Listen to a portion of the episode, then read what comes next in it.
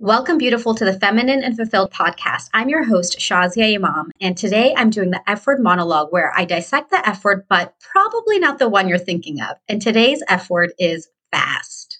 And as we do with our F word, we examine the most important F word of the week. And that F word today is fast.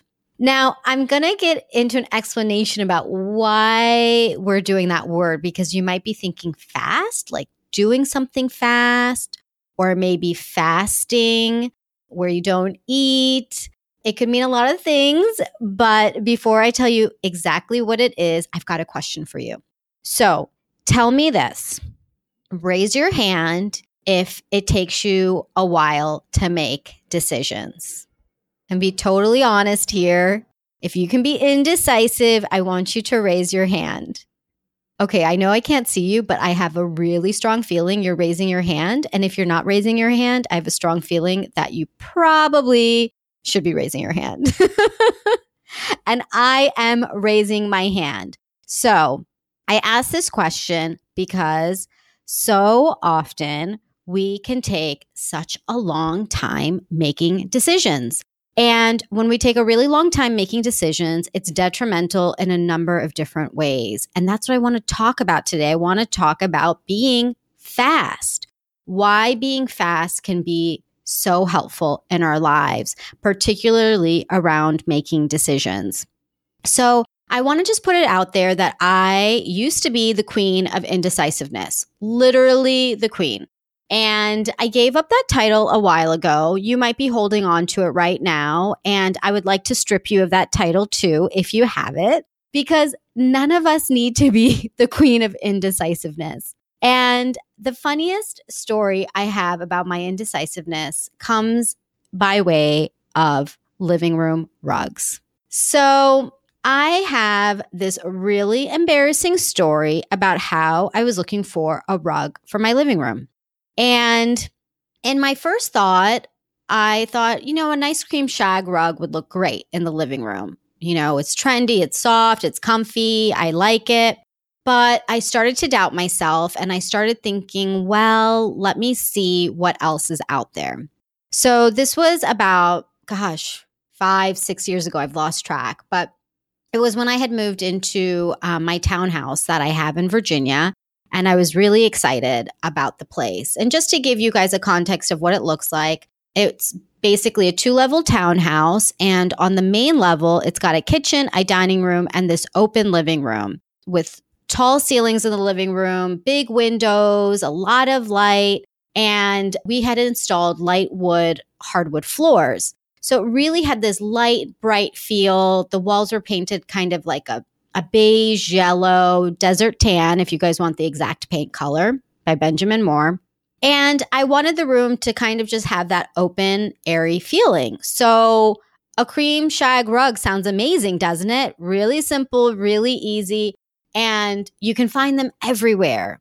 But like I used to do at that time, I wanted everything to be so perfect. So I'm like, well, let me just see what else is out there. And I went on Overstock. I was purchasing a lot of items on Overstock because they just had a lot of cool things at great prices and they have a lot of reviews. So I started seeing, okay, this rug, this looks good. I found like a nice light blue rug with a trellis pattern. And then I found like literally 30 variations of a shag rug, tall pile, short pile, wide pile, and all sorts of different colored rugs damask rugs and multicolor and Persian style. And I mean, it goes on and on and on. Okay. Like there's a ton of rugs in the world. This is like one of the main things I realized.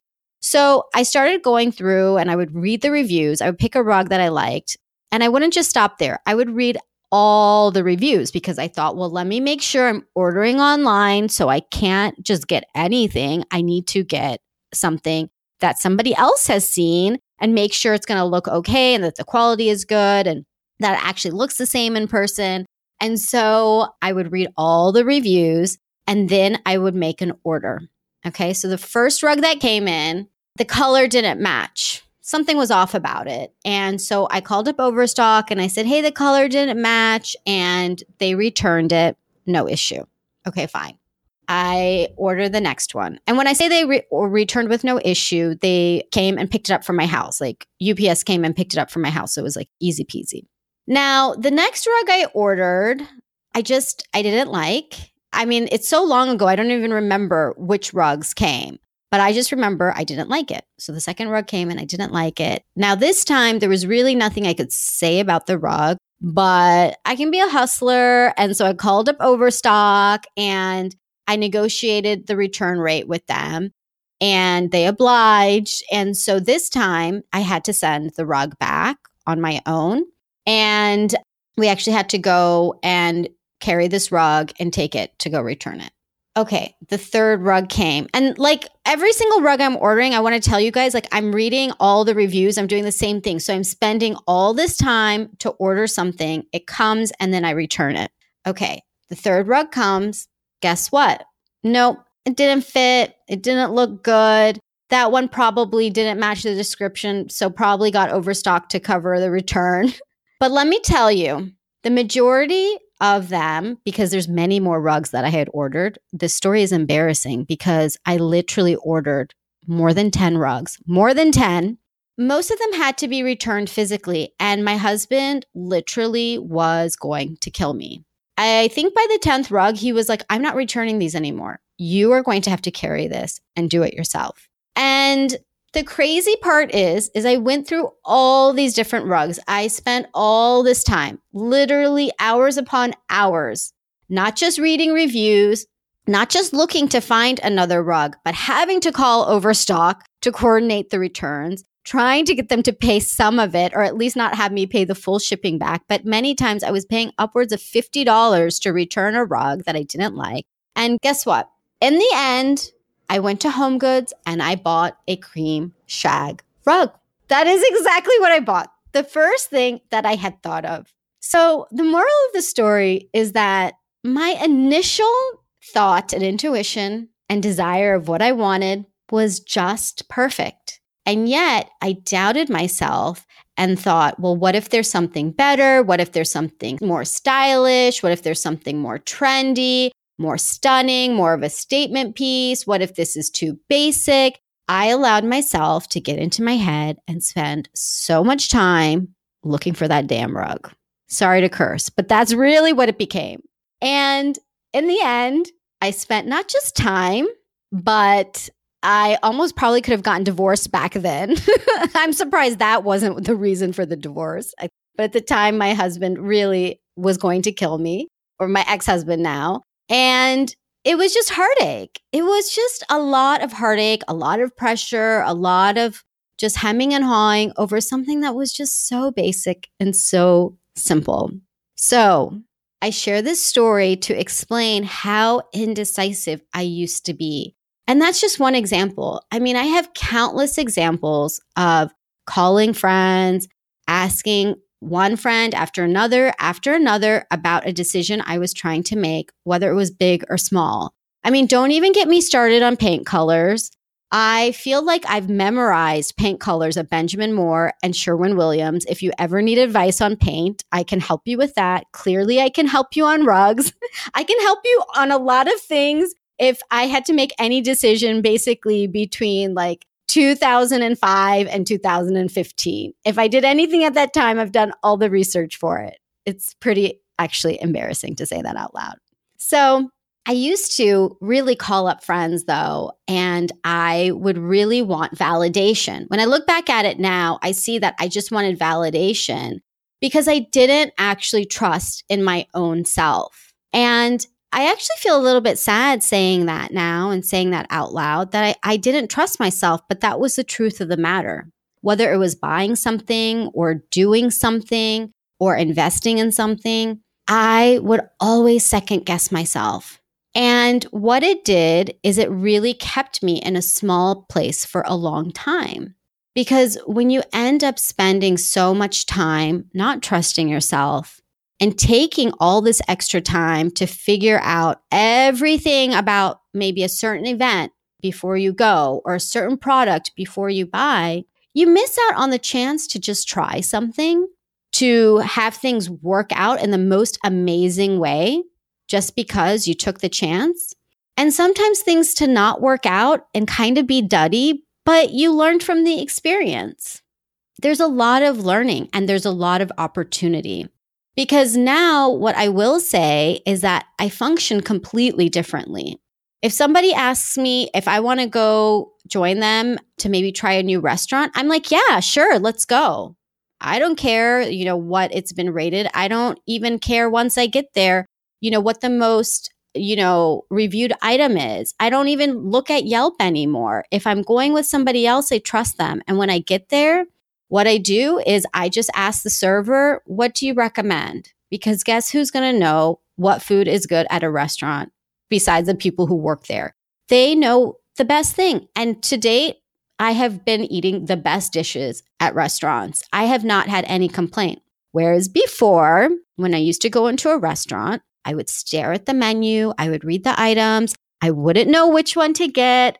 Again, I would be asking everybody, What are you getting? What do you think? I'm thinking about this or that. Then, you know, I'd be asking the server a bunch of questions. And again, it was, it's like, it was just a waste of time. Like, literally, as I'm saying this out loud, I want to say to myself, Shazia, what a freaking waste of time. what were you doing? Oh my goodness. Now I just go open up the menu, ask the server, hey, what do you recommend? They give about three choices. I pick from those three choices and I'm done. I'm done. And then I enjoy my meal. I enjoy the conversation that, you know, because typically I go out to a restaurant with somebody else and then I just enjoy myself with the person. And I love that. It's such a relief. And what I'm telling you actually is backed by science too. I always like to share what I can with you all with evidence. So there's a fantastic book. It's called The Paradox of Choice. If you like to read, I would really recommend this book. And what the author has basically written about is that the reason that we are so unhappy in today's world and today's time is actually because we have too many choices. Literally, when you think about it, when you go to the grocery store, a traditional grocery store, think about when you go to the cereal aisle there isn't just one cereal. There are literally 300 choices of cereals. So now what used to be a simple, am I going to get shredded wheat or Cheerios and maybe honey nut Cheerios if you really wanted to get fancy and fun has now turned into this plethora of cereals. And in today's world, now you add in not just like all the sugary cereals, but you add in all like the healthy ones, organic, healthy, all natural, blah, blah, blah. And there are just so many choices. So the author talks about what has happened is that because we have so many choices, we feel like we are never satisfied because maybe there was a better choice. Maybe there was something else out there that was better. So you get one cereal, but then you're kind of like, well, you know, I got the honey bunches of oats, but maybe the honey bunches of oats with almonds and strawberries would have been better, right? Like it's not a big difference, but maybe we're going to think about that. And that's like a, a facetious example, right? Like that's just a dumb example. But the point is that we are constantly thinking, is there a better choice? And when we take that into real serious things in our life, not just cereal, this affects the way that we are even in our relationships. So, what we see today is that there are a lot of hesitations around really committing in relationships. And a big part of that is because there is a thought well, is there somebody else better? Let's be honest. Even if you're in a committed relationship, is there ever a part of you that thinks that? Or if you're single and you're looking for somebody, is there a part of you who might meet somebody and you think, well, he's, you know, he's not the one because there's got to be somebody better? And I'm not saying to settle for less, okay? Like, you know, my philosophy, I don't believe in settling for less. I believe that anything is possible. But in relationships, it can be problematic when we are thinking that there is somebody better, especially once we're in a relationship. Okay. Once we're in a relationship, we really want to see the best in somebody because nobody's perfect. And if we feel like there's an out and there's somebody better out there, then it doesn't have us stay as committed. And this cannot just be in romantic relationships. This can be in a lot of different ways. So, going back to the book, he talks further about this idea of when you think that there's something better and you're not satisfied and you're not as happy because you're wondering, right, if there was something better, it increases the rates of anxiety and depression. There's a direct correlation between choice and these deep feelings around anxiety and depression. Because if you are constantly feeling like, well, maybe there was something else better, how are you ever going to feel happy about where you're at? I mean, it's just as simple as that. And I have totally been there. I'm still there at times. I'm not saying that I'm not there, but I like that I'm aware of it. And I like that I have begun to limit my choices so that I don't get caught up in that race to like get the best thing. Because the other ways that it can debilitate us to always have too many choices is that then we want perfection. Something has to be perfect before we do it. So my rug had to be perfect before I could put it out in my living room. Oh, and I forgot to tell you guys, that whole process probably took over six months. I think it actually even took up to a year. And so I didn't have a rug for all that time because rugs were coming and going.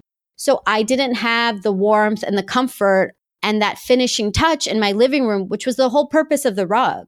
I ended up going this whole time without it because I wanted what was perfect. And what is happening in your life right now? What is that hole in your life? Or what is that thing not happening in your life because you're waiting for something to be perfect? Think about it. What is that thing? Because if there is something that you are waiting on to be perfect, I am telling you right now, there is no such thing as perfection. There's no such thing as perfection. And you could kill yourself trying to be perfect, or you could enjoy your life with good, with great, even. I'm not even to let you settle for good. Okay. It's to be great, but it's not to be perfect. And also being the former queen of trying to be perfect, it is a very lonely and strenuous place to be because the only one who is going to care about your perfection is you. And if you're that much of a perfectionist, nothing will ever be perfect.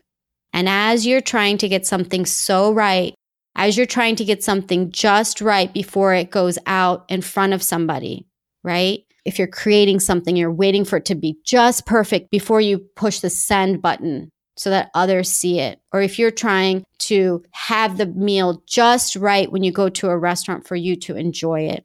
Or if you're trying to have the most perfect relationship by crafting things in a certain way, but really there's something more that needs to be there, which is not perfection, you're the only one who is going to suffer. And others may suffer around you from the behavior. I'm going to be totally honest with you. And the world will continue to move on. Okay. As you're waiting for something to be perfect, the world will continue to move on. Time is going to go on. And I don't want you to wait anymore. I don't want you to wait anymore. So that's why today's word, F word, is fast. Although it took me 20 minutes to tell you why, why that's the F word. But there was a reason today. There was a reason. So thank you for being patient. But that is why the word is fast, because I want you to start doing things quickly. I want you to start saying yes without thinking about it.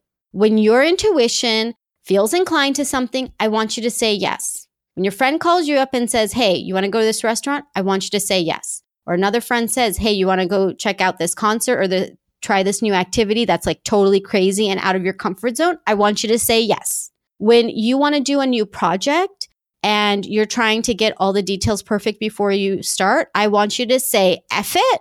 And you can use the word fast instead of the F word, but I want you to say F it and I want you to do it. Okay.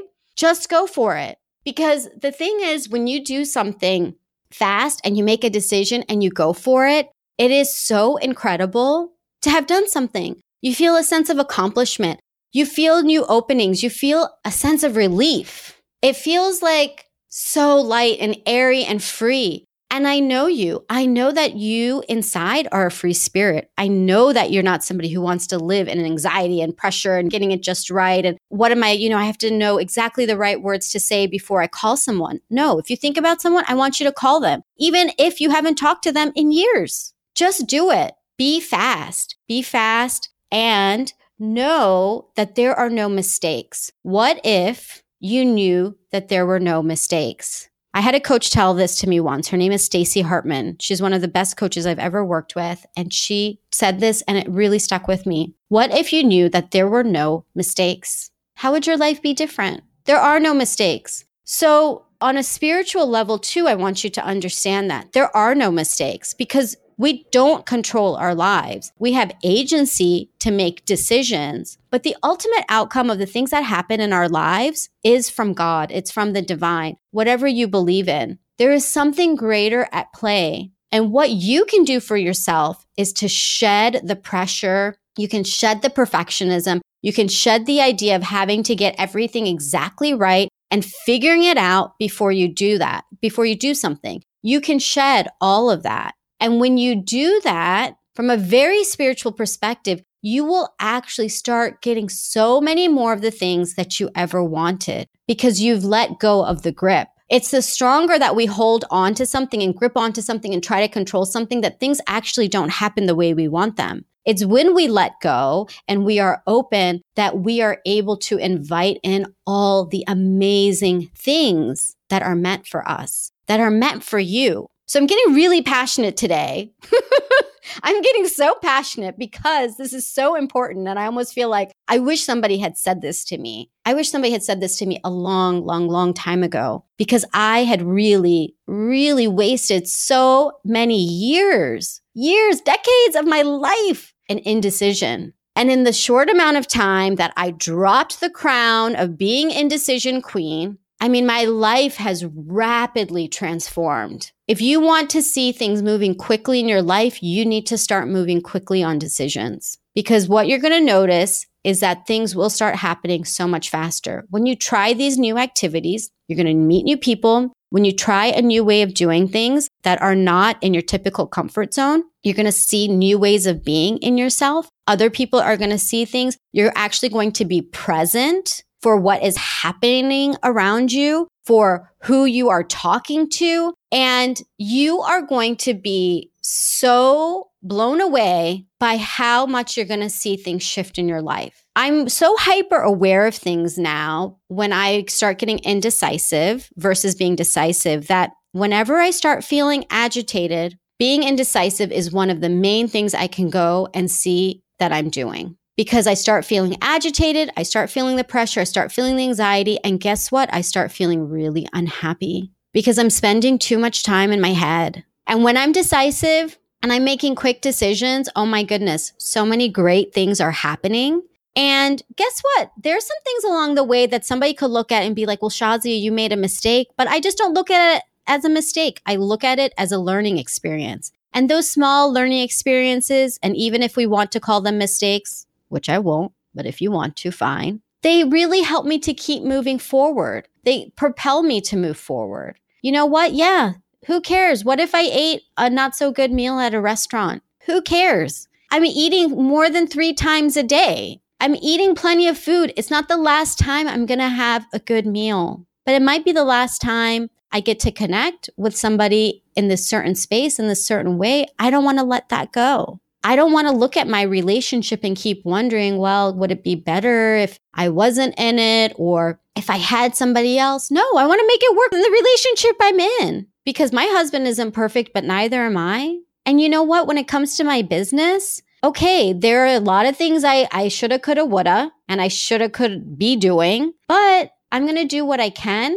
I'm going to do it imperfectly. And guess what? That's what's going to keep me moving forward. So even sometimes when I don't say the perfect thing on this podcast, that's okay. That's okay. I'm probably the only one who noticed. And if you noticed, it's okay. I hope you forgive me for it. Because even if you don't, it's okay. I'm fine with the mistake. But my point is this is that you have to try. You really have to try. I want to impart this message of trying, of making a decision, of really taking that next step in front of you. because you don't have to know the end goal. Nobody ever knows what the end is going to look like, no matter how much we think we're going to figure it out. You're never going to figure it out because you can't tell the future. So if you can't tell the future, you might as well live in today and you can't change the past. So you might as well let go of the past and be in today. What is that next step that you want to take? What is that decision that you have been waiting to take? What is it? I want you to make it. I want to challenge you that as you're listening to this right now, that you make an intention to yourself that I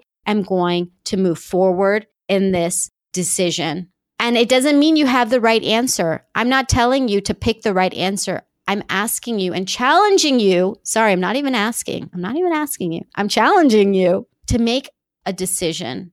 That's it. Make a decision and go with it. Because when you open up that door for that decision, it's exactly the right door. And when you open up that door, there is so much beyond it. But when you are standing in front of two doors, wondering, looking, hmm, which one? Which one? I wonder what's behind it. Let me guess what's behind it. Let me figure it out. Let me keep looking at these doors. I don't know. Oh my gosh, I don't know. Let me call 10 of my friends, bring them to the doors. What do you guys think? And then they're split 50 50. What, you know, half the friends are saying door one, the other half are saying door two. And you're still standing there like, oh my gosh, which door? So I'm telling you right now, challenging you right now to open up one of those doors and trusting that it is the right door because I know that you know deep down inside, you already know the decision. You already know it. And I give you permission to trust it. I give you full permission to trust it because you are intelligent, you're capable, you are worthy, you are decisive, and you are willing to be open to the possibilities. And whether the decision is big or small, it doesn't matter. When you start making decisions, things are going to open up for you. I promise you that. So that's my challenge to you. Make it fast. Today's F word is fast. So make it fast, make a decision, Get out of your head, trust your intuition, know that there are no mistakes, and let go of perfection. Let it go. You are perfect just the way you are. You really are. Like, I just adore you. I adore you. And I'm so excited for you. And I want to make things so easy for you to make a decision. So I'm creating a super simple freebie just for you around making decisions. And it's just going to be a nifty cheat sheet for you to get some ideas about where you can make decisions and where I actually have made my decision making process easier. So, for example, in the way that I choose what I'm going to wear for the day, how I already talked about going to eat at restaurants. I'm just going to share some quick and easy things that I do to really make decision making easy. So if you want some ideas, you can grab that at thelifeengineer.com slash fast. That's thelifeengineer.com slash fast. And I'd love for you to just download that and have that around and just start making decisions. Be fast about it. And I just, I'm so excited for you to see all the great things that happen.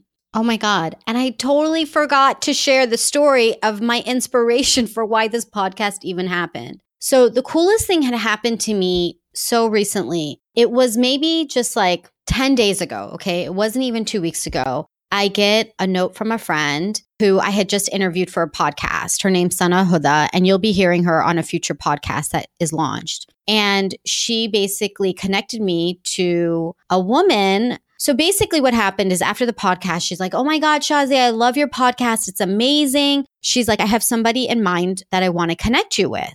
And she totally pulled through and she sends this email that I get at like right when I wake up. It must have come at, you know, maybe a normal time on her side because she lives in India. But for me, it came up right when I had woken up and I, you know, I checked my phone. It was like 7 a.m. And she had connected me to this woman whose name is Ekta Kapoor. And Ekta runs a magazine in India called eShe. And this magazine is basically published out of New Delhi and it looks at the world through the female gaze. And she says it's about the real life extraordinary stories of women around us. And she basically highlights these incredibly incredible stories of women. So Sana had connected the two of us, and Ekta had already responded saying, Hey, I'm looking forward to meeting you, Shazi. I can't wait to chat. Now, what I may have done in the past, because I still don't move super fast, is I may have thought, well, let me wait till I sit down at my laptop and I can craft a really perfect email to respond back to get things going because I wanted to be professional. But truth of the matter is I was flying out to San Diego that same day. So that evening I was flying out to San Diego and I was going to be gone for 12 days. So actually this did happen 2 weeks ago. Now that I think about it, it was exactly 2 weeks ago.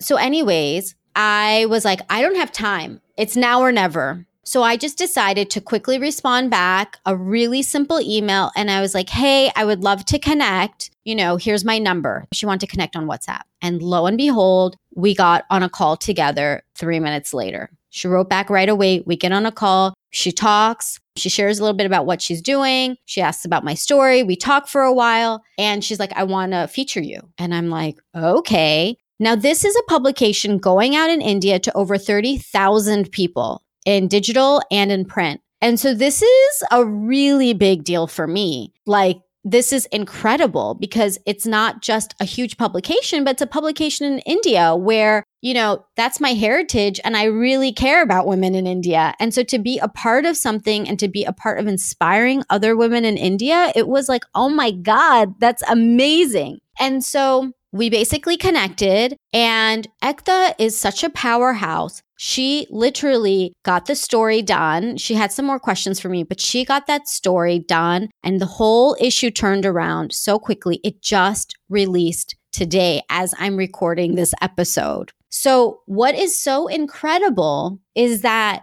if I had waited who knows when I would have emailed her? I would have probably been busy packing and then I would have been in San Diego for my training and then I would have been busy and then so on and so forth. And who knows when I would have gotten back to her. And by the time maybe I got back to her, she may have already moved on and felt like, uh, you know, the fire is gone. So, by really pushing myself outside of my comfort zone, which I'm always still trying to do, and not having to be uber professional in that situation and just send a quick email, that's what got the ball rolling. And now I'm published. So you can find that if you want to actually take a look at that, you can go to eshe.in like India. So it's eshe.in. And if you take a look at the May issue, you will find my story in there. And it's not just about my story, it is about all the in- other incredible stories that Ekta is featuring. So if you are interested about learning about other Indian women who are totally knocking it out of the park, check out her issue.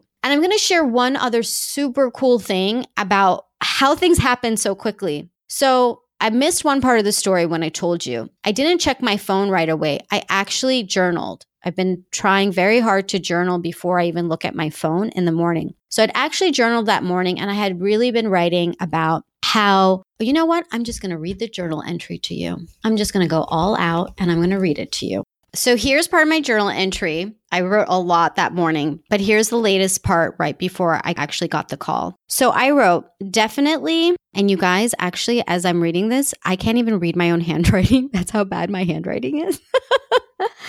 and I'm going to warn you guys now, too. The way I journal is so a stream of consciousness. So it's not like complete sentences and it's just really what I think. But I want to share with you and be totally raw and vulnerable with you. And also encourage you that when you write, like it can just be whatever. So, anyways, enough of that tangent.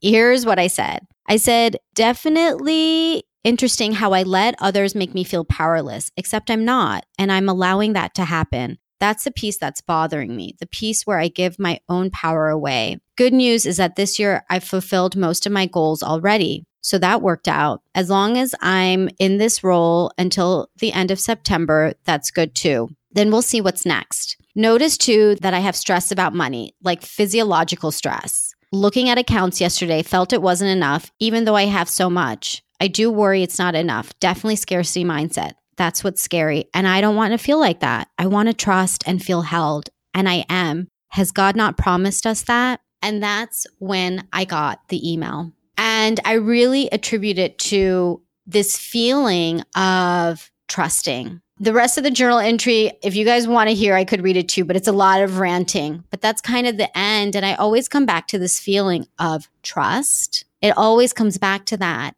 And then that email came. So now I've been featured in this publication that's going all across India, and it's a publication that's going to continue to grow. After meeting Ekta, I know that her magazine is really going to be a huge transformative vehicle for women there. And I'm so excited to be a part of it. And it's because I moved fast. I'm sharing this because I moved fast. I did it imperfectly and it came out just right. That is my latest and greatest example, and really what pushed me to say, you know what? I really want to inspire you who's listening to move fast. So, again, I challenge you, I challenge you to trust, to really trust, to trust yourself, to trust in God, to trust in the divine, and know that you are doing exactly what you're supposed to. You're exactly where you're supposed to be, exactly where you're supposed to be. And everything is happening in perfection without you having